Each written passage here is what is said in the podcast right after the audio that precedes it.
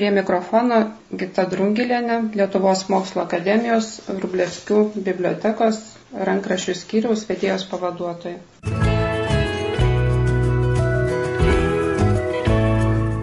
Lietuvos mokslo akademijos biblioteka 1950-1960 metų skaitytojų akimis. Šio laikinės bibliotekos pagrindinė ir svarbiausia funkcija yra skaitytojų dabartiniais terminais vartotojų aptarnavimas. Tuo pačiu vis didesnę svarbą įgyja bibliotekos ryšys su skaitytojais. Lietuvos mokslo akademijos Vrublevskių biblioteka, anuomet Lietuvos e, TSR mokslo akademijos biblioteka, dar sovietmečių siekia skaitytojų grįžtamojo ryšio, sužinoti ir tinkamai atliepti jų poreikius, nes cituoju, bibliotekai labai svarbu žinoti, ką jos skaitytojai pageidauja. Citatos pabaiga. Lietuvos TSR mokslo akademijos bibliotekos skaitytojų aptarnavimas ankstyvuoju sovietmečiu yra pristatytas to meto informaciniuose tekstuose, aptartas atsižvelgiant į bibliotekos istoriją, o skaitytojų santykis su biblioteka kol kas netirinėtas. Šiek tiek žinių galima rasti pavieniuose skaitytojų atsiminimuose. Tiriant skaitytojų ir bibliotekos ryšius, ypač vertingas šaltinis yra bibliotekos rankrašių skyriuje saugoma 1950-1960 metų šios bibliotekos skaitytojų pageidavimų knyga. Šį A4 formato sąsiuvinę sudaro 10 prirašytų lapų su 56 pageidavimais, skundais ir padėkomis lietuvių ir trečdalis įrašų rusų kalbomis. Šios pageidavimų knygos įrašų laikas iš esmės sutampa su bibliotekos direktoriaus Stasio Bražiškio vadovavimo 1950-1963 metais laikotarpiu. Knygoje įrašyta skaitytojų nuomonė iš dalies papildo to paties laiko bibliotekos sienlaikraštyje Akademijos bibliotekininkas spausdinta informacija. Šiame straipsnyje, remiantis minėta pagėdavimų knyga, siekiama pažiūrėti į biblioteką tuo metinių skaitytojų akimis, atskleisti, kokie buvo 20-ojo amžiaus 6-ojo dešimtmečio bibliotekos skaitytojų lūkesčiai ir poreikiai, kaip jie vertino skaitytojų aptarnavimą ir darbo sąlygas bibliotekoje, kas jiems buvo svarbu.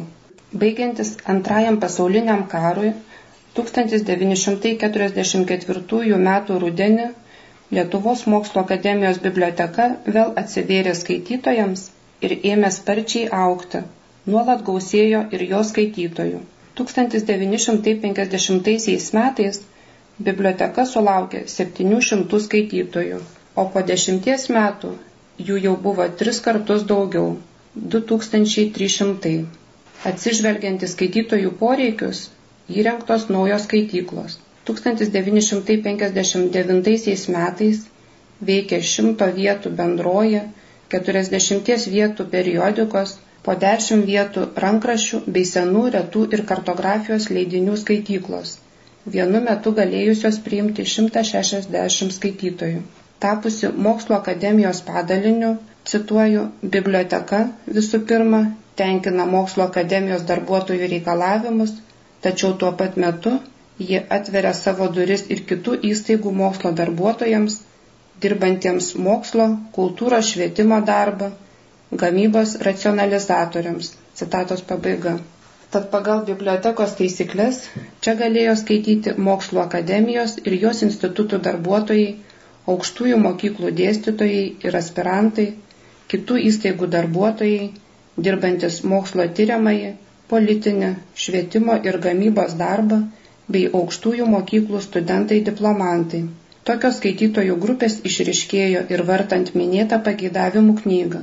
Joje pasirašė mokslininkai iš istorijos ir teisės, biologijos, gyvulininkystės ir veterinarijos, chemijos ir cheminės technologijos institutų, dėstytojai ir studentai iš Lietuvos ir TSRS, Leningrado, dabar Sankt Peterburgas, Krasnosnamensko, Kaliningrado sritis, aukštųjų mokyklų, mokytojai, inžinieriai, valstybinės grožinės leidyklos, Lietuvos radijo ir kiti redaktoriai bei kiti skaitytojai.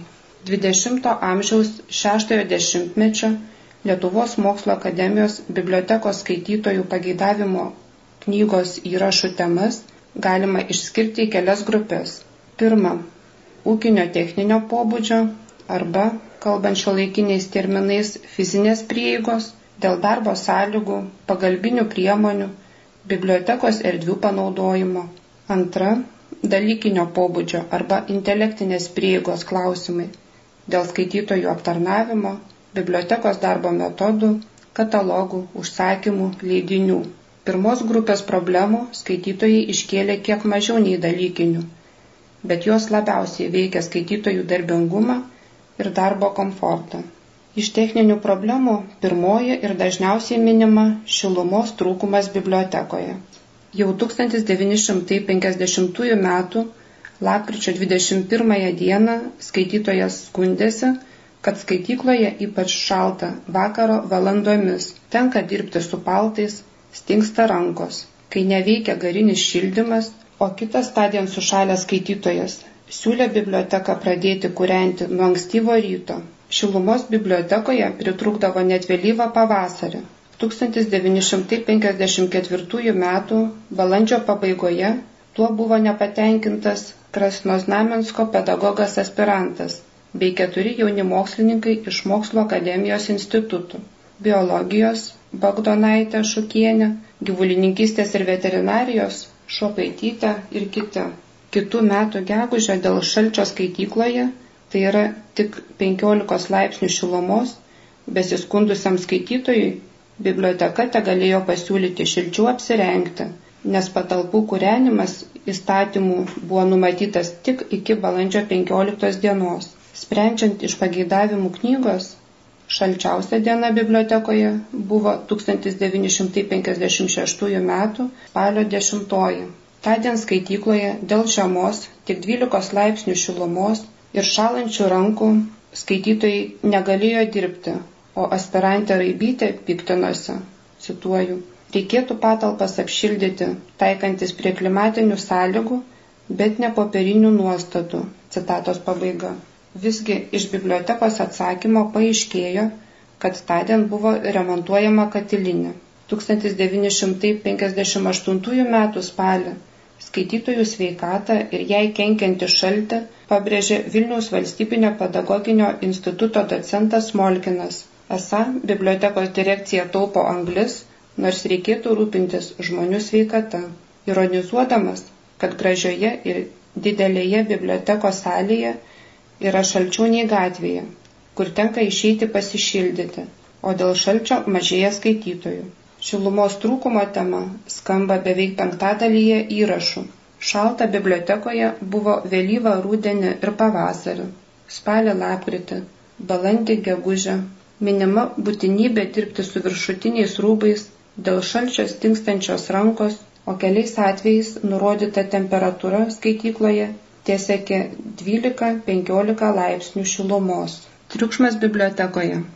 Dar viena skaitytojų nusiskundimų tema. 1950 m. gruodį du skaitytojai pageidavo bent minimalinės tylos, kurią trikdo specialiojo fondo durų varstimas ir darbuotojų ginčiai, garsus pasikalbėjimai, parodų agitacija ir kiti pašaliniai pokalbiai, garsus vaikščiojimas. Skaityklos vedėja Adolfina Janulevičiūtė sutiko su šiuo priekaištu bet būklę sunkiai sekėsi pakeisti. Cituoju. Skaitykloje parodos rengėjai daug ir garsiai kalbasi, daug kartų įspėjau, citatos pabaiga. Su ta pačia problema susidūręs kitas skaitytojas bandė pamokyti. Cituoju. Keista, kad tokioje bibliotekoje kaip mokslo akademija tokios blogos darbo sąlygos. Bibliotekos tarnautojams reiktų pasimokyti iš kitų bibliotekų, kaip sveikatos apsaugos ministerijos, universiteto, kur visą laiką viešpatauja absoliuti tyla. Citatos pabaiga. 1955 m. vasaros pabaigoje tylos pasigedo vadovėlių Lenkų kalba redaktorius S.I. Tik šį kartą triukšmo šaltinis buvo už bibliotekos ribų. Skaitytojas piktinosi po skaityklos langais garsiai grojančių ruporų ir ausiai rėžiančiomis senomis sugedusiomis plokštelėmis, dėl ko esą sunku susikaupti, o uždarius langus labai tvanku. Kaip paaiškėjo iš bibliotekos prierašo, plokštelių melodijos sklido iš neries pakrantėje įsikūrusios laivų prieplaukos. Tad skaitytojai daugiausia skundėsi dėl darbuotojų, ypač parodų rengėjų keliamo šurmulio. Parodos, mokslinės teminės, jubiliejinės ir ekspozicijos bibliotekoje buvo išties svarbi veiklos dalis, skirta atskleisti savo fondus bei skleisti politinę propagandą. Antai bibliotekos direktorius Juozas Jurginis 1948 metais darbuotojų susirinkime, kalbėdamas apie ideologinio darbo pagerinimą, piktinosi, cituoju, skaitikla netliko knygos propagandos. Naujai gaunamos knygos būdavo retai keičiamos, keičiamos nereguliariai ir ne visada vykusiai parenkamos politinio aktualumo požiūriu. Citatos pabaiga. Nuo 1955 metų Bendrojoje skaitykloje veikia itin populiari naujų knygų ekspozicija. Apie ją toliau, tad dėl ankštų patalpų šis triukšmas buvo neišvengiamas. Skaitytojai atkreipė dėmesį ir į šviesos trūkumą bibliotekoje. Antai eksperimentinės medicinos ir onkologijos instituto jaunesnysis mokslinis bendradarbis skaityklos apšvietimui pasiūlė individualias stalinės lempas, pabrėždamas hygienos normas. Dirbančiam turi būti pakankamai šviesu, šviesa kristi iš kairės pusės, be šešėlių nuo stalo pertvaros ar paties skaitytojo. Atsakydama, biblioteka paminėjo esamas galimybės. Cituoju. Stale yra įjungtos lempos ir skaitytojui prašant reikia įjungti. Citatos pabaiga. Pageidavimų knygoje atsispindi ir rūbinės tvarka. Antai 1952 m. žiemą bibliotekoje skaitęs Vilniaus grožinės literatūros leidyklos, dabar vaga, vyresnysis redaktorius Domas Urbas, remdamasis patogumu ir estetika, prašė, cituoju, būtų gera, kad atėjusiems skaitykloje dirbti būtų kur pasidėti viršutinius drabužius, kailinius, paltus, kepures, kaliošus, taip kaip dabar yra, tai nelabai patogu ir truputį lik nedailu. Citatos pabaiga. Matyt, tuomet rūbinė bibliotekoje nebuvo įrengta, bet būklė greitai pasikeitė. Po poros metų kitas skaitytojas piktinosi, kad viršutinius drabužius palikti rūbinėje tenka netgi trumpam užeinant į skaitykloje įsikūrusi abonementą. Pastarojo skaitytojo pastabai ir siūlymui, cituoju, ar negalima būtų šį bibliotekos skyrių iškelti iš skaityklos arba panaikinti šį niekam nereikalingą formalumą. Citatos pabaiga. Biblioteka iškart pritarė, cituoju, kurie į namus ima knygas, nereikalauti nusirengti paltus. Citatos pabaiga. O štai kito skaitytojo pageidavimas į skaityklą užeiti su portfeliu, nes tai patogiau, buvo kategoriškai atmestas, nes neleidžia taisyklės. 20 amžiaus 6 dešimtmečio skaitytojų pageidavimai susiję su bibliotekos interjeru atskleidžia ir to meto inteligentų gyvenimo būdą. Jau pirmajame įraše skūstasi, cituoju, didelis nepatogumas skaitytojams, kad skaitykloje nėra laikrodžio. Ne visi ir ne visada turi savo laikrodį. Jo nesant, negali žinoti, kiek gali pasilikti skaitykloje. Po metų tokį pat poreikį išsakiusiam skaitytojui Apanauskui biblioteka pažadėjo jį patenkinti, kai pagal planą bus gauta pinigų Vėliau tokių prašymų nebepasitaikė, tad matyt bibliotekoje 1951-1952 metų sandūroje sieninis laikrodis buvo įrengtas.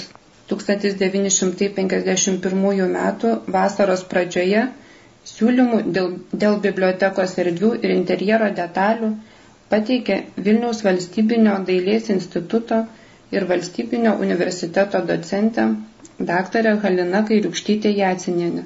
Docentė pasiūlė vasarą leisti skaityti skaityklos balkone bei įrengti viešą sieninį veidrodį lankytojams apsitvarkyti, kurio nesant kenčia bibliotekos įvaizdis.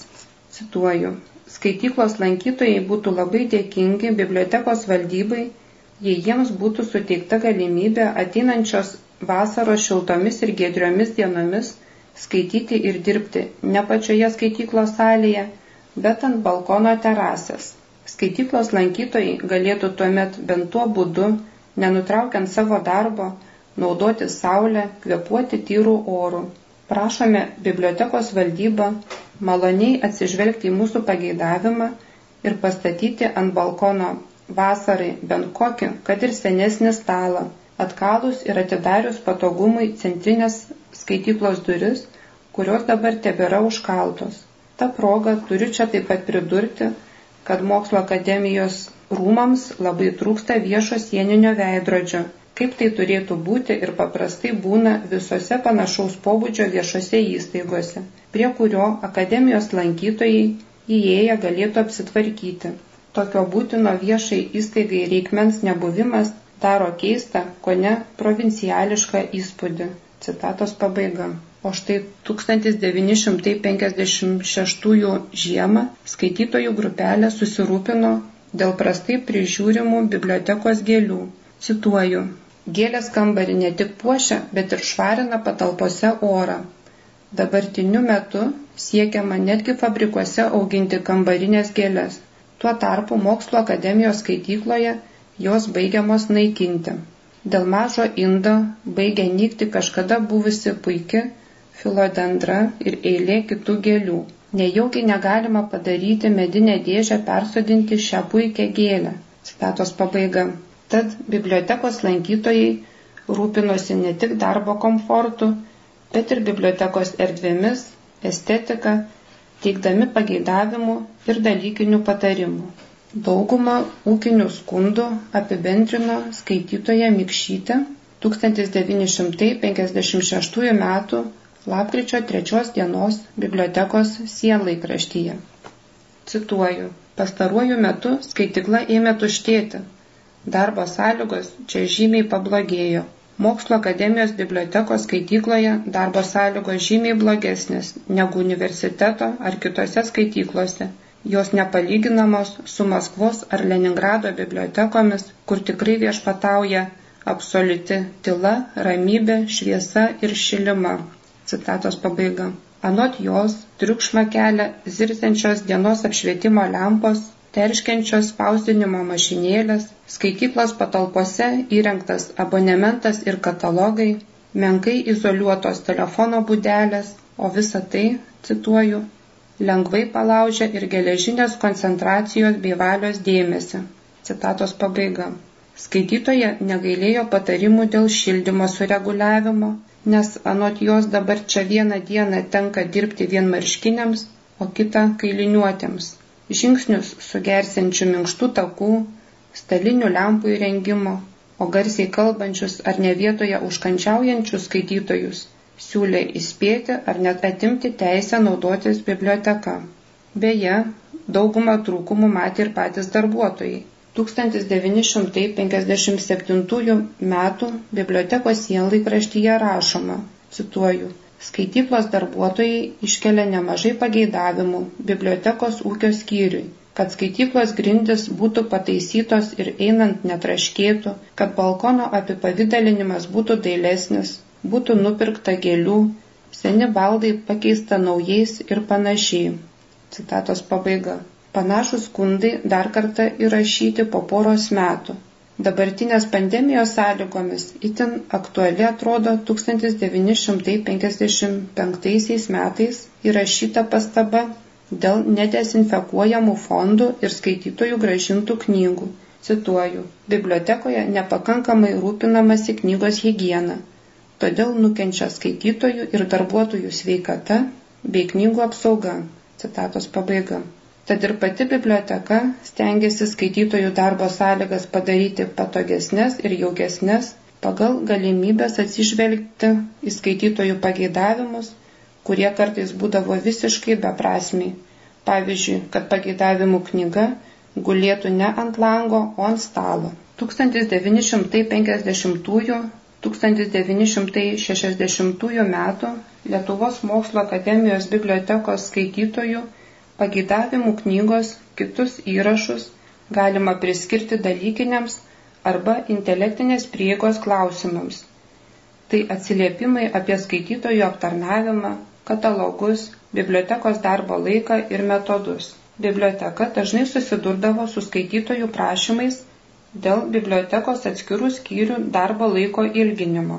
Antai Vilniaus valstybinio pedagoginio instituto studentų mokslinės draugijos narys Antanas Šidlauskas apgailestavo, kad skaityklos darbo laikas sutampa su paskaitų laiku ir turtingas bibliotekos knygų fondas tampa neprieinamas studentams. Jis siūlė išduoti knygas į namus ir net apkaltino biblioteką, slopinant ar sąmoningai užkertant kelią studentų savarankiškam moksliniam tyriamajam darbui. Visgi bibliotekos direkcija nepasidavė provokacijai ir pakartojo taisyklę, kad knygos į namus neišduodamos. Pagal taisyklės knygos į namus buvo išduodamos tik tai mokslo akademijos darbuotojams, o kitų įstaigų darbuotojai knygas gamybiniam tyriamajam darbui galėjo gauti tik išimtiniais atvejais, leidus bibliotekos direktoriui. Šiuo atveju nebuvo paminėta, koks skaityklos laikas netenkino skaitytojo, bet greičiausiai jis sutapo su įprasta iki 18 valandos darbo diena. 1953 m.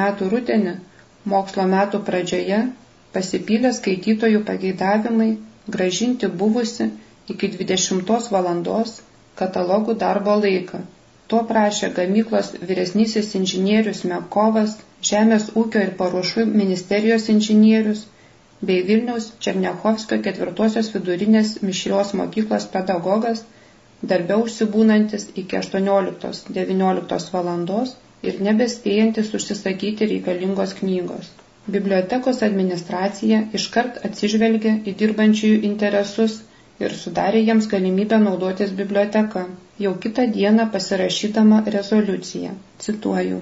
Katalogų darbo laiką prailginti iki 20 valandos pradedant rugsėjo 7 diena. Tatos pabaiga. Po kurio laiko, matyt, tokios darbo tvarkos atsisakyta, nes 1956 m.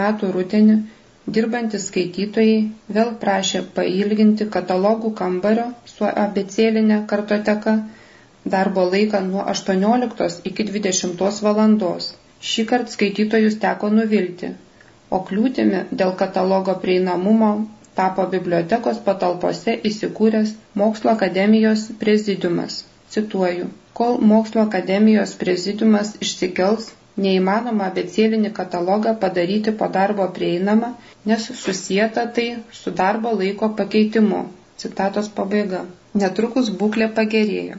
1958 metais į naujas patalpas išsikėlus Mokslo akademijos prezidiumui ir reikalų valdybai, tuo pačiu biblioteka gavo daugiau kaip 600 kvadratinių metrų papildomo ploto todėl galėjo įsteigti periodikos skaityklą, išplėsti kitus skyrius, o abecėlinį ir sisteminį katalogus įkurti katalogų kambaryje. Aštuntas kambarys antrame aukšte. Tuo pačiu pailgintas ir darbo laikas. Bendroji ir periodikos skaityklos darbo dienomis dirbdavo net iki 22 valandos, šeštadieniais ir šventinėmis dienomis iki 18 valandos.